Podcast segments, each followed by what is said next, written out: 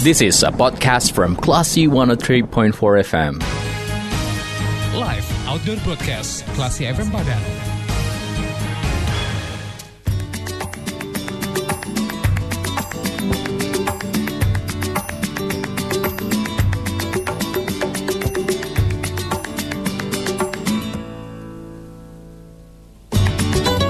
Driven oh for Classy FM, this is the actual radio. Kelas People, saat ini tim Live Outdoor Broadcast Radio Kelas FM sedang berada di kantor Gubernur Sumatera Barat dalam acara peringatan Hari Kesehatan Nasional ke-57. Langsung saja kita bergabung dengan tim Live Outdoor Broadcast Radio Kelas FM ada Gandhi Prasetya. Silahkan Gandhi. Terima kasih Dita. Assalamualaikum warahmatullahi wabarakatuh. Kelas People selamat pagi. Ada saya Gandhi Prasetya kali ini menemani aktivitas Anda ya. Semoga dalam kondisi paling sehat hari ini. Mungkin buat yang lagi di jalan, yang buat lagi lagi dengerin radio Kelas FM ya bisa sedikit dibesarkan volume radionya karena saat ini saya akan berbagi kepada Anda tentang euforia Hari Kesehatan Nasional ke-57 yang diselenggarakan saat ini di kantor Gubernur Sumatera Barat ya. Di samping saya sudah ada Kepala Dinas Kesehatan Sumatera Barat, Bapak Ari Yuswan SKM MKM. Selamat pagi, Assalamualaikum Pak Ari. Waalaikumsalam warahmatullahi wabarakatuh. Selamat pagi, salam sehat untuk kita semua. Iya Pak, uh, sudah sering kita berbicara tentang COVID-19 di Radio Klasi FM dan saat ini kita bertemu di acara peringatan Hari Nasional ke-57 dan juga sudah ada Ketua Penitia Pelaksana Hari Kesehatan Nasional ke-57 tingkat Provinsi Sumatera Barat. Ada Dr. Gigi Avando Ekardo MM atau yang lebih akrab kita sapa Pak Edo ya. Pak Edo, selamat pagi Pak. Selamat pagi Gandhi, selamat pagi Pak Kadis Kesehatan dan selamat pagi pemirsa. Oke, kita semakin optimis nih Pak di Hari Kesehatan Nasional ini kita bisa bangkit ya Pak ya melawan dan menghadapi pandemi Pak. Iya, kita pasti bisa Sumatera Barat bisa. Uh, saya mau ke Pak Ari dulu deh kalau gitu sudah hampir uh, satu tahun ya Pak ya menjabat sebagai Kepala Dinas Kesehatan Sumatera Barat. Sudah lebih sudah lebih ya Pak ya. Nah bagaimana nih Pak tantangan menangani masalah kesehatan di provinsi kita saat ini Pak Ari? Iya, jadi saya dipercaya menjadi Kepala Dinas Kesehatan pada tanggal 4 September 2020 yang lalu. Iya. Pada waktu itu kita masih atau sedang dalam kondisi pandemi COVID-19. Hmm. Artinya menjadi kepala dinas di masa pandemi sudah berjalan lebih dari satu tahun dan memang ini sebuah tantangan tersendiri ya hmm. Bahwa pandemi COVID-19 itu menjadi situasi yang berat buat kita semua termasuk kita di jajaran kesehatan. Hmm. Padahal kalau kita pahami bersama masalah kesehatan itu sangat banyak, tidak hanya pandemi Nah, artinya adalah kita harus selesaikan pandemi, juga harus antisipasi tidak muncul masalah-masalah kesehatan yang lain.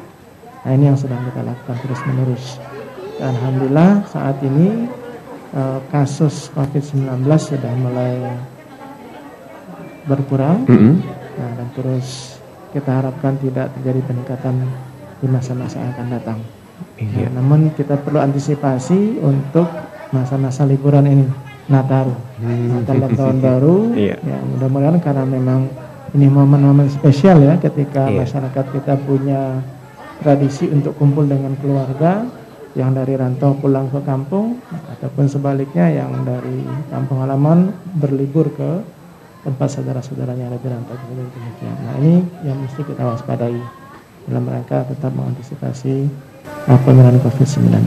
Iya, bahkan tanggal 15 November kemarin itu sudah itu pertama kalinya ya Pak semenjak 20 bulan terakhir kita itu uh, penambahan kasusnya di nol kasus. Iya, gitu ya Pak ya. Oke. Okay. Uh, eh, kalau menurut pandangan dari seorang Bapak Ari ini, apa makna Hari Kesehatan Nasional?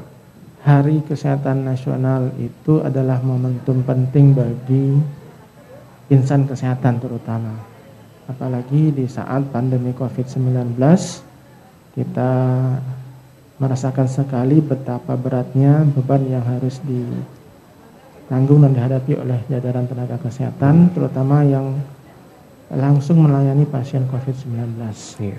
Tidak sedikit dari tenaga kesehatan kita, dokter, perawat, dan tenaga kesehatan lainnya yang meninggal uh, akibat terpapar COVID-19.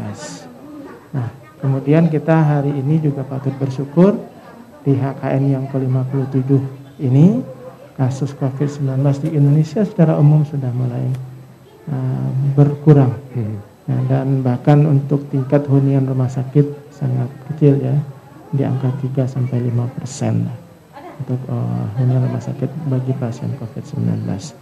Nah, kita patut selalu bersyukur kepada Allah Subhanahu wa taala uh, dengan kondisi kita hari ini dan rasa syukur itu harus kita wujudkan dengan terus menjaga ya, nikmat yang telah diberikan oleh Allah ini nah, dengan cara apa? Mari vaksinasi COVID-19 dan tetap patuhi protokol kesehatan. Oke, maka dari itu diselenggarakan ya Pak ya, peringatan Hari Kesehatan Nasional ke-57. Kita sudah bersama Ketua Penitia Pelaksananya ini sama Pak Edo. Iya, ya Pak kan? Edo, kita ngobrol lagi nih Pak setelah uh, beberapa waktu lalu ketemu ya Pak ya. Iya. Nah, terkait peringatan Hari Kesehatan Nasional Pak Edo tadi udah digelar nih berbagai macam acara.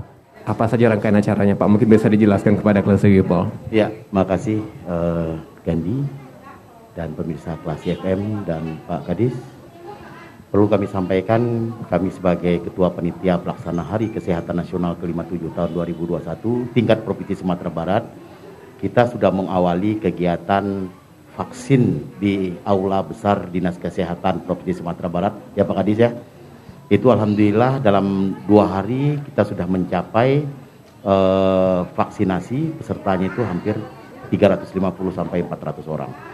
Kemudian pada hari ini tanggal 17 November bersama dengan Bapak Gubernur, OPD, Rumah Sakit, Puskesmas, dan eh, ASN Dinas Kesehatan Provinsi Sumatera Barat mengadakan olahraga senam pagi bersama Indonesia Sehat. Artinya apa?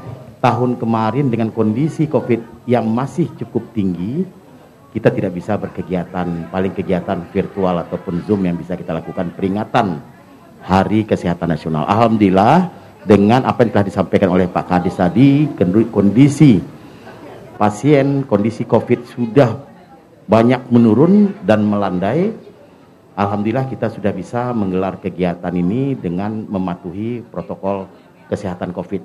Kemudian dalam kegiatan hari ini setelah senam bersama kita melakukan kegiatan donor darah. Ada kegiatan donor darah Gandhi? Hmm Kemudian ada penyerahan penghargaan kepada tenaga kesehatan teladan yang tadi sama-sama sudah kita saksikan langsung Pak Gubernur dan Umi dan istri yang langsung menyerahkan kemudian Pak Kadis juga menyerahkan penghargaan teladan kepada tenaga kesehatan. Apresiasi ya Pak ya. Apresiasi ya? dan untuk diketahui ya Pak Kadis ya bahwasanya eh, tenaga kesehatan dari Sumatera Barat yang sampai ke nasional itu ada dua orang, satu dokter dari tenaga dokter ya Pak Adis ya, dokter umum dari Puskesmas Silungkang, hmm. kemudian satu lagi dari Padang Pariaman ya.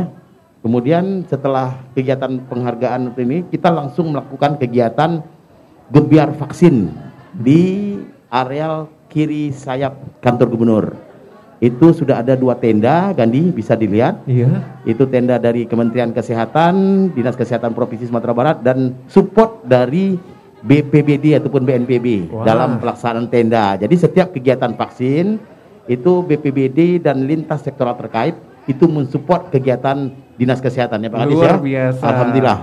Kemudian dalam kegiatan vaksin pada hari ini kita juga ada door prize kemudian hadiah-hadiah menarik yang diberikan kepada peserta senam dan khususnya kepada peserta vaksin. Jadi ada paket sumbangan dari hampir seluruh rumah sakit, eh, kemudian eh, rekan-rekan yang peduli terhadap penurunan eh, pencapaian vaksin saat ini, itu mereka melakukan support melakukan support kegiatan untuk hari ini. Kemudian eh, setelah ini mungkin uh, besok ya Pak Kadis ya, insya Allah puncak kegiatan vaksin ini akan dipusatkan di Sungai Abang, Lubu Alung, Kabupaten Padang Pariaman, yang akan hadir Pak Wakil Gubernur, Pak Audi, dan Pak Wakapolda yang akan hadir bersama teman-teman dan kerjasama dengan Dinas Kesehatan Kabupaten Padang Pariaman. Itu mungkin. Keren banget, luar biasa. Kelas people menarik banget tadi ya. Saya tadi juga sudah menyaksikan bahwa ada senam bersama juga bersama Bapak Gubernur tadi ya Pak ya. Ya. Dan uh, ada vaksinasi ini bisa diikuti oleh siapa saja? Ya, vaksinasi bisa diikuti oleh seluruh masyarakat di Sumatera Barat yang memenuhi syarat untuk divaksin. Ya. Oke, jadi langsung aja nih kelas people kalau udah tahu syaratnya langsung nih kalau misalnya Anda pengen vaksinasi bisa datang langsung ke kantor gubernur eh, Sumatera Barat di lapangannya. Oke. Eh, dari tahun ke tahun sudah eh, kalau tahun kemarin tadi seperti yang disampaikan Pak Edo virtual ya Pak ya. Ya. Dan tahun ini alhamdulillah sudah di eh, sudah bisa dilakukan eh, perayaannya secara langsung ini. Terkait dengan vaksinasi Pak, Pemprov Sumbar katanya optimis nih Pak akhir tahun ini bisa mencapai herd immunity sebanyak 70%. Gimana nih Pak Ari? Iya, jadi dalam pencapaian vaksinasi COVID-19 kita pemerintahan Provinsi Sumatera Barat didukung oleh seluruh elemen ya, terutama Forkopimda Sumatera Barat. Eh, optimis kita bisa melakukan peningkatan capaian vaksin bahkan di akhir Desember kita targetkan memang bisa mencapai 70 persen. Hari ini kita sudah di angka 47,17 persen. Mm-mm. Nah, diharapkan di November ini kita bisa mencapai 60 persen. Yes. Nah, itu harapannya dan kita terus nih gebiar. Dan kita juga punya program lain yang membantu masyarakat yang tidak terjangkau. Iya. Nah, dengan cara program namanya KVC bukan KFC tapi KVC KVC. KVC itu ketuk pintu rumah vaksinasi COVID-19 Oh, langsung Jadi, dicari nih Pak. Ya dicari, eh, kita libatkan, kita ikut sertakan para kader, kader-kader kesehatan, kader posyandu yang ada, mendatangi rumah penduduk, memastikan di rumah itu sudah eh, anggota keluarga sudah divaksin. Jika belum, kita himpun semuanya, kita lakukan vaksinasi di Nagari. Luar biasa. Harapannya nanti Nagari yang paling bagus, paling banyak capaian juga akan kita upayakan memberikan penghargaan untuk Nagari yang capaiannya terbaik. Baik, 70% optimis kita bisa ya Pak ya. Optimis. Nah, insya Allah hari Kita Sabtu depan ini juga ada gebiar Sumdarsin lagi dengan target 100 ribu di Sumatera Barat. Iya, karena dari posisi dua terbawah sekarang sudah naik ya Pak ya. Eh, di sudah naik 8 posisi. Sekarang kita sudah eh, peringkat ke-23 nasional dari atas. Wow. Kalau dari bawah berarti peringkat eh, 20 eh 12 ya dari bawah. Bisa dikatakan cepat ini Pak? Cepat. Cepat ya Pak ya. Oke, jadi terus dilakukan eh, dilakukan eh, terus vaksinasi bahkan langsung jemput bola nih. Jadi untuk orang yang belum vaksin bisa eh, langsung di eh, direkomendasikan untuk vaksin gitu ya Pak ya. Oke. Eh, kemudian eh, Pak Ari dan Pak Edo. eh, Kendala-kendala yang dihadapi Dinas Kesehatan, Kesehatan Sumber ini untuk menangi- menangani kesehatan di Sumatera Barat kira-kira ada apa saja sih Pak? Ya, jadi sebenarnya kalau bicara masyarakat Sumatera Barat itu kita termasuk masyarakat yang peduli dengan masalah kesehatan. Nah, cuma memang yang membedakan masyarakat kita dengan masyarakat lain adalah masyarakat kita itu adalah karakternya tidak otomatis menerima. Dan dia mesti dapat informasi yang utuh, Mm-mm. kemudian dia harus yakin dengan permasalahan yang ada, Mm. dan juga yakin dengan solusi tersebut. Dan jika memang contoh vaksin misalnya, Iya. jika memang vaksin itu penting, kenapa penting? Apa dampaknya buat eh, saya katakan begitu ya? Iya. Nah, kemudian siapa saja yang sudah divaksin? Nah, ini penting buat masyarakat kita di, di Sumatera Barat. Terus kalau saya divaksin saya dapat apa? Ah, ini tambahan lain. Nah, jadi memang eh, kita di Sumatera Barat eh, karakter masyarakatnya bukan masyarakat yang eh, gampang ikut-ikutan. Butuh eh, penguatan informasi-informasi, perlu diedukasi, perlu diyakinkan dengan program-program yang ada. Oke, sosialisasi terus ya. Sosialisasi terus kunci. Oke, em, apa eh, program-program yang eh, dinas kesehatan sudah bikin nih pak supaya masyarakat itu tetap aware dengan kesehatannya? Ya, jadi eh, memang saat ini sebenarnya kita lebih cenderung mengedepankan program promotif dan preventif Mm-mm. tanpa mengabaikan eh, upaya-upaya kuratif. Mm-mm. Artinya memang kita ingin eh, sehat itu mulai dari masyarakat. Iya. Maka kita eh, datangi masyarakat, kita cerdaskan masyarakat. Hmm. Nah, salah satu juga untuk penanganan COVID-19 misalnya kita punya eh, program atau kegiatan namanya eh, kader tanggap COVID. kader tanggap COVID. Iya. Itu gimana tuh Pak? Nah, kader tanggap COVID ini kita melibatkan, mengikutsertakan kelompok-kelompok potensial yang ada. Nah, jadi di antaranya ada Pramuka Sakabakti Husada, Hmm. kemudian juga ada penyuluh-penyuluh agama, kemudian eh, beberapa pihak lain termasuk juga kader-kader yang bisa memberikan informasi, edukasi kepada masyarakat tentang apa itu COVID-19. Oke. Jadi mereka sudah eh, berada langsung di tengah-tengah komunitas mereka masing-masing. Baik. Jadi kita singkat dengan namanya derap COVID-19. Wah, oke Pak.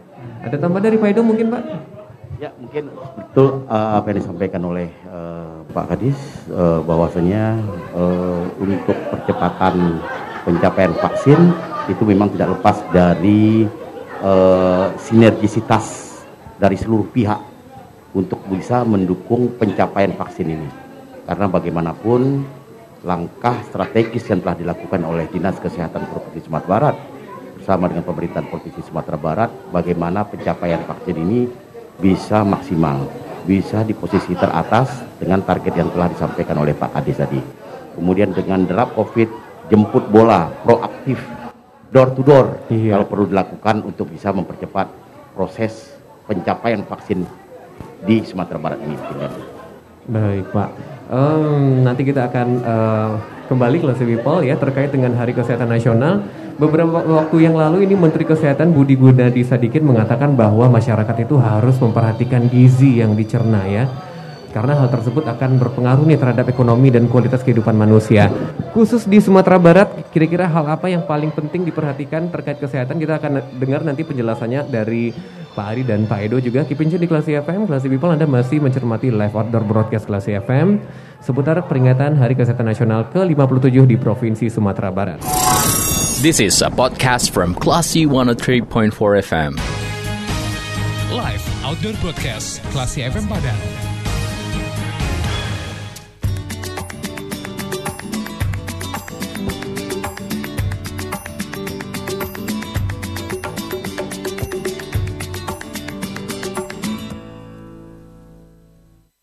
One for Klasi FM, this is the actual radio. Klasi People masih dalam peringatan Hari Kesehatan Nasional ke-57 di tingkat Provinsi Sumatera Barat bersama saya Gandhi Prasetya. Berbicara tentang kesehatan memang adalah segala-galanya ya. Aktivitas kita bakal terhambat bisnis juga kalau kita sakit. Jadi kalau kita lihat ya, kita bisa kita bisa lihat saja contohnya ketika saat ini pandemi merumpuhkan semua aktivitas. Maka dari itu tidak ada lagi nih yang bisa nyangkal bahwa kesehatan adalah hal yang sangat penting ya. Bahkan eh, seberkuasa apa pun orang, sekaya apa pun orang, kalau dia sakit, hal yang akan dicarinya itu saat itu adalah kesehatan ya Pak ya. Iya. Oke, eh, kita masih berbicara tentang statement Pak yang disampaikan oleh Menteri Kesehatan kita Budi Gunadi Sadikin yang mengatakan kalau masyarakat harus memperhatikan gizi yang dicerna. Nah, kalau di Sumatera Barat ini khususnya apa hal yang paling penting diperhatikan terkait kesehatan? Silakan Pak. Ari. Baik, jadi untuk masyarakat Sumatera Barat terkait dengan masalah gizi, satu hal yang menjadi catatan penting kita dari beberapa kali dilakukannya riset kesehatan dasar, Hmm? itu Sumatera Barat masyarakatnya masih kurang dalam mengkonsumsi buah dan sayur. Oke. Nah, oleh sebab itu kita menghimbau kepada seluruh jajaran masyarakat, seluruh lapisan masyarakat bahwa sebenarnya Sumatera Barat itu kaya akan produksi sayur dan buah. Nah, namun disayangkan jika hasil produksi tersebut dijual dan tanpa diikut dinikmati oleh masyarakatnya sendiri. Kalau kita ketahui beberapa daerah itu suplai sayur dan buah-buahnya justru dari Sumatera Barat. Tapi malah kita yang kekurangan ya Nah, Pak ya kita yang kurang ya. mengkonsumsinya. Nah, begitu. Oke. Nah, sementara kalau dengan jenis makanan yang ada di Sumatera Barat kita lihat ya, itu kan kaya dengan protein, lemak dan seterusnya ya. Bahkan sebagian juga mengandung kolesterol yang tinggi. Nah, ini harus kita imbangi dengan eh, makan buah dan sayur. Kemudian juga catatan penting buat kita di Sumatera Barat perlu untuk meningkatkan aktivitas kita. Nah, aktivitas fisik. Minimal kita berolahraga 30 menit per hari misalnya. Karena saat ini kita akui apalagi kemarin di masa pandemi itu aktivitas fisik kita sangat kurang. Kemudian kita dimanjakan dengan aplikasi. Kita mau apa saja, tinggal pencet tombol nyampe di rumah. Iya. Gitu. Nah, padahal ada hal-hal lain yang ketika kita keluar itu bahagian dari aktivitas fisik kita butuhkan. Nah, jangan sampai nanti aktivitas fisiknya kurang, ya. Nah, kemudian konsumsi buah dan sayuran juga kurang, maka penyakit-penyakit tidak menular menjadi berpotensi uh, di Sumatera Barat. Oke, itu gizi uh, untuk masyarakat Sumatera Barat kurang di buah dan sayur. Kalau dari Pak Edo mungkin ada bisa yang ditambahin ya, Pak Edo? mungkin untuk tip and trick. Oke. Atau Ini menarik. itu uh, yang pertama mindset yang uh -huh. harus kita rubah. Kemudian yang kedua adalah uh, lifestyle ataupun gaya hidup dari seseorang dalam kondisi pandemik dan ke depannya mungkin yang perlu setelah disampaikan oleh Pak Kadis adalah wajib olahraga. Hmm. Olahraga apa saja ya Pak Kadis ya? Iya. Jadi uh, kita sendiri di Dinas Kesehatan bersama-sama dengan Pak Kadis itu sekali seminggu melaksanakan goes bersepeda bersama. Hmm. Jadi lokal trip 10, 15, 20 kilo, 20 kilo itu sudah cukup membantu untuk meningkatkan imunitas dan head, head immunity. Uh, olahraga sangat-sangat membantu dalam menjaga keseimbangan tubuh. Jadi buah, sayur, suplemen ataupun vitamin, kemudian uh, olahraga dan istirahat yang cukup itu sudah cukup sangat membantu dalam kondisi pandemik yang mudah-mudahan sebentar lagi sudah mulai hilang ataupun berkurang. Amin. Jadi olahraga mungkin tambahannya. Oke. Okay. Olahraga itu itu wajib. Kalau saya tetap olahraga itu wujudnya wujud. Kalau nggak bisa setiap hari minimal dalam satu minggu itu dua tutup ataupun tiga kali kita melakukan uh, olahraga aktivitas olahraga ini. Apalagi dengan usia yang sudah mau masuk ke 50. Ya Pak Adis? Penting ya Pak ya. Harus menjaga. Iya. Oke, dan saya juga dapetin data nih Pak dari BPS ya yang mencatat angka harapan hidup atau AHH di Sumatera Barat itu terus mengalami peningkatan dalam satu dekade terakhir. Ini berarti kualitas kesehatan masyarakat di Sumatera Barat terus ada perbaikan nih Pak sejak 2010 sampai 2020. Iya. Gimana Pak Ari? Jadi memang salah satu indikator keberhasilan pembangunan ya kita ada indeks pembangunan manusia namanya atau IPM atau hmm sering juga disebut dengan HDI Human Development Index salah satu indikatornya itu adalah angka harapan hidup hmm. nah angka harapan hidup ini adalah bahagian upaya kita terus meningkatkan kualitas atau meningkatkan derajat kesehatan masyarakat kita nah angka ini sangat dipengaruhi oleh dua hal sebenarnya yeah. yaitu angka kematian ibu hmm. selama hamil eh, persalinan dan nifas juga kematian bayi Nah, jika kematian ibu dan kematian bayi kita tidak bisa kita turunkan, maka ini akan berpotensi penurunan terhadap angka harapan hidup. Nah, oleh sebab itu, kita terus juga berupaya bagaimana angka atau jumlah kematian ibu dan kematian bayi ini terus kita tekan. Nah, sehingga nanti harapannya adalah uh, usia harapan hidup atau harapan hidup terus meningkat di Sumatera Barat. Oke, okay. apa ada lagi nggak faktor penentu lainnya kira-kira? Nah, kemudian itu faktor utama yang memang uh, menjadi indikator penting. Mm -hmm.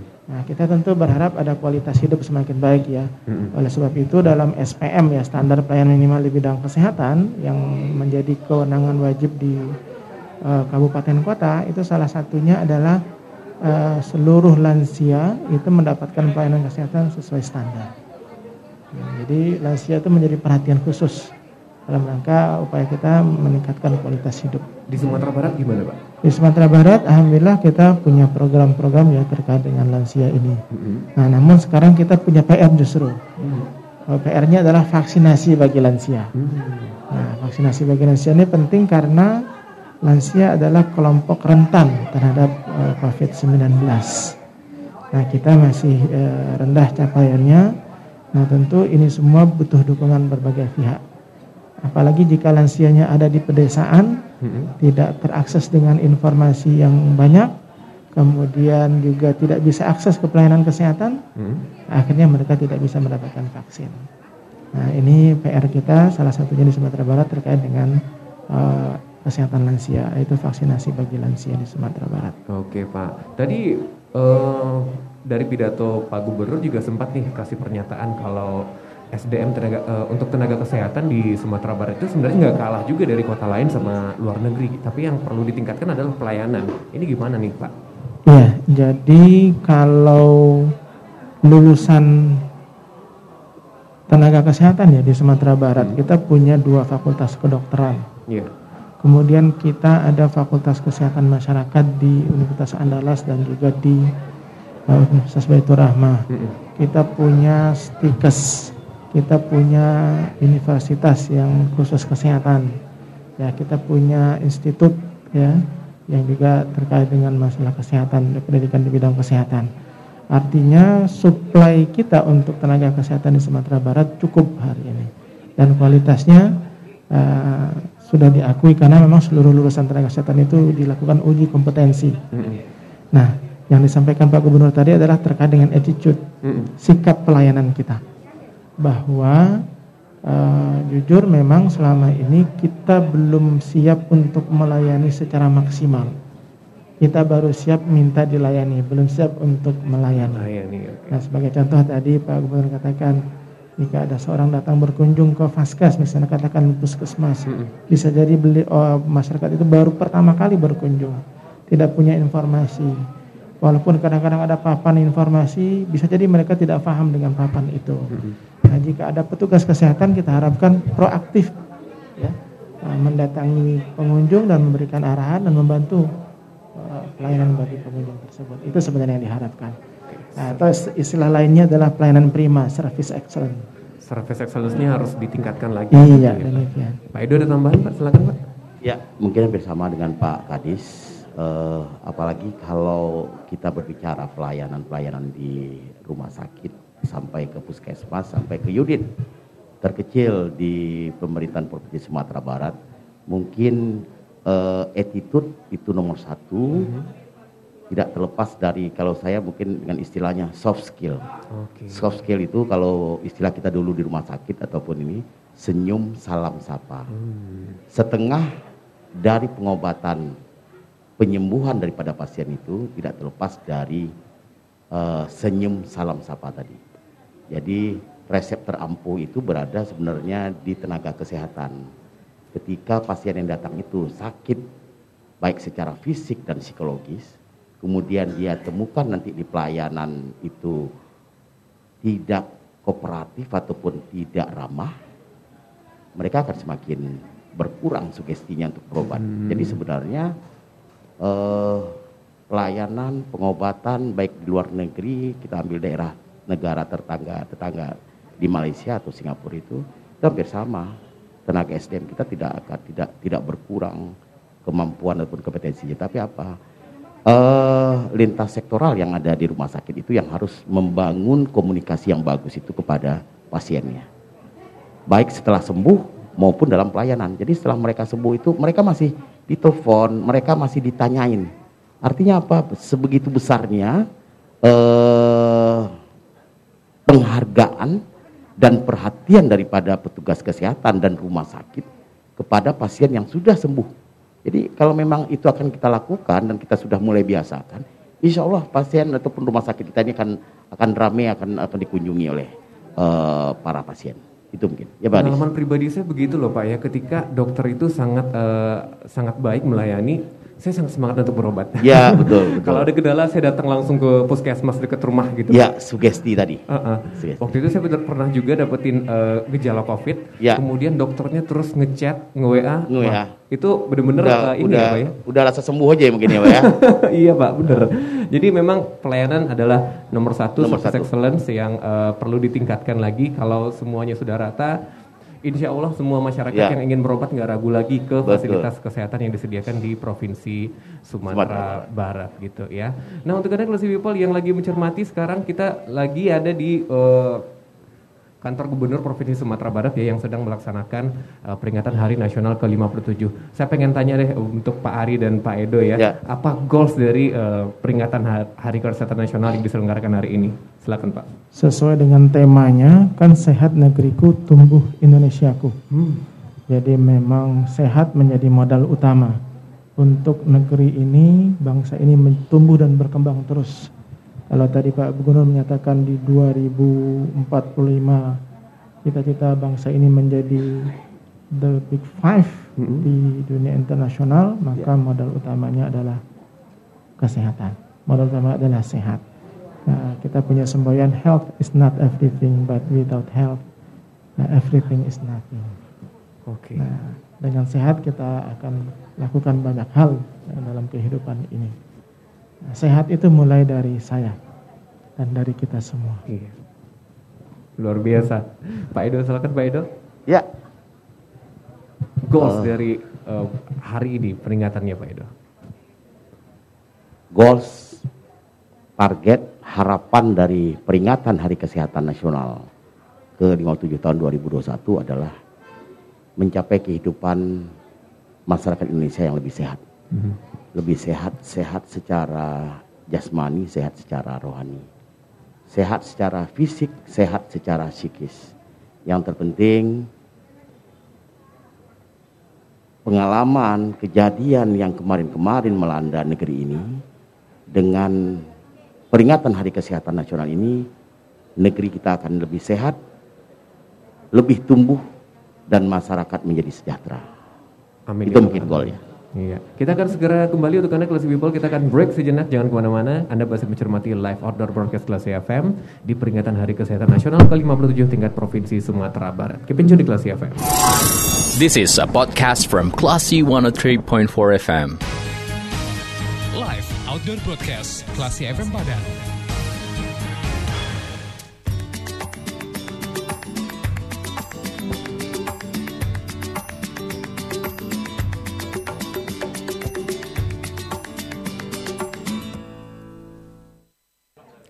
103.4 Classy FM, this is the actual radio. Classy People, sehat merupakan tanggung jawab masing-masing individu ya.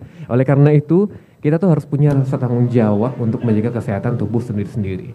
Ada pesan nggak Pak Ari kepada masyarakat Kota Padang untuk uh, masyarakat kita ini semakin peduli dengan kesehatan mereka sendiri, Pak? Iya, bahwa kesehatan itu adalah hak asasi setiap manusia. Iya Nah, agar hak itu terpenuhi, ada kewajiban-kewajiban yang harus kita lakukan sebagai seorang uh, manusia, sebagai seorang anggota masyarakat. Bahwa tentu pertama kita harus memastikan bahwa kita adalah orang yang sehat. Dengan cara apa? Tentu pertama menjaga kesehatan, melakukan aktivitas fisik, kemudian melakukan pemeriksaan secara berkala, kemudian uh, punya pola pikir yang positif, mm -hmm. Dan berusaha untuk memberikan kemanfaatan bagi orang banyak. Nah, ini yang harus kita lakukan. Nah, dalam konteks COVID-19 saat ini, agar kita tetap sehat, tentu kita patuhi protokol kesehatan, tingkatkan imunitas dengan mengkonsumsi makanan yang sehat, juga jangan lupa vaksin, kemudian berinteraksi dengan baik bersama seluruh uh, anggota masyarakat. Baik Pak. Iya demikian. Pak Edo silakan Pak Edo, apa nih pesan kepada masyarakat kita agar mereka itu semakin peduli dengan tanggung jawab kesehatannya masing-masing Pak Edo? Kesehatan merupakan uh, norma kehidupan yang harus dinomor satukan dan diistimewakan tidak ada artinya seperti yang disampaikan tadi baik kekayaan, harta, eh, jabatan, kemuliaan kalau diri kita sakit ataupun tidak sehat itu tidak ada arti apa-apa. Jadi memang kita dianjurkan untuk tetap menomorsatukan kesehatan. Karena kesehatan ini adalah investasi untuk masa depan. Mhm. Investasi untuk masa depan yang harus kita jaga betul jangan sampai dirusak dengan kondisi-kondisi lingkungan, dengan kondisi-kondisi lainnya. Jadi kalau kita ingin uh, melakukan perjalanan hidup ke depan yang lebih baik, nomor satu itu adalah kesehatan. Kesehatan itu adalah investasi bagi diri kita sendiri. Baik Pak, setelah dilaksanakannya peringatan Hari Kesehatan Nasional ke-57, senam bersama, vaksin, gebiar vaksin, kemudian juga uh, dilaksanakannya donor darah dan berbagai aktivitas kesehatan yang luar biasa yang disiapkan oleh Dinas Kesehatan Sumatera Barat. Saya pengen dengar closing statement terakhir dari uh, Pak Ari dulu deh tentang seputar acara ini dan uh, apa harapannya setelah dilakukan peringatan Hari Kesehatan Nasional ke-57 ini Pak. Silakan Pak. Baik, terima kasih bahwa dengan momentum Hari Kesehatan Nasional ke-57 tingkat Sumatera Barat ini pertama mari kita syukuri nikmat yang diberikan oleh Allah Subhanahu wa taala ini dengan cara apa? Tetap menjaga kesehatan kita. Ada dua nikmat yang kata Rasulullah SAW sering diabaikan oleh manusia. Yang pertama adalah nikmat sehat dan yang kedua nikmat waktu luang. Mari kita manfaatkan dengan seksama dengan sebaik-baiknya nikmat sehat yang Allah berikan dan juga jangan sia-siakan waktu yang tersedia untuk memberikan kemanfaatan yang lebih luas. Sehat mulai dari saya dan juga mulai dari Anda semua. Kemudian untuk vaksin kami menghimbau ambo ala divaksin don sana bilo. Iya. Terima kasih. Oke, silakan Pak Edo. Baik, ganti closing statement pada uh, perayaan Hari Kesehatan Nasional pada hari ini bahwasanya kesehatan adalah segalanya. Diri kita menjadi dokter bagi diri kita sendiri. Artinya apa? Kita tahu bahwasanya kondisi kita itu tidak sehat, kondisi kita itu tidak nyaman adalah diri kita sendiri. Jadi kita adalah kita menjadi dokter bagi diri kita sendiri. Jadi kita mau sakit, kita mau sehat itu berpulang ke diri kita. Jadi kesehatan itu adalah yang terpenting, adalah segalanya. Mungkin itu Gandhi. Oke, nikmat sehat plus people harus uh, memang benar-benar diperhatikan ya. Dan tadi juga uh, sangat menarik bahwa uh, apa Pak uh, motonya Pak Ambo sudah divaksin dun sanak bilo. Ambo ala divaksin dun sanak bilo. Oke, kelas people semoga itu menjadi pesan terakhir yang bisa uh, Anda lakukan untuk yang belum vaksin saat ini ya. Demikian uh, peringatan Hari Nasional Hari Kesehatan Nasional ke-57 yang diselenggarakan oleh Dinas Kesehatan Provinsi Sumatera Barat. Kalau begitu saatnya saya Gandhi Prasetya, Pak Ari dan Pak Edo mengakhiri bincang seru kita untuk pagi hari ini. Assalamualaikum warahmatullahi wabarakatuh and then see you. This is a podcast from Classy 103.4 FM.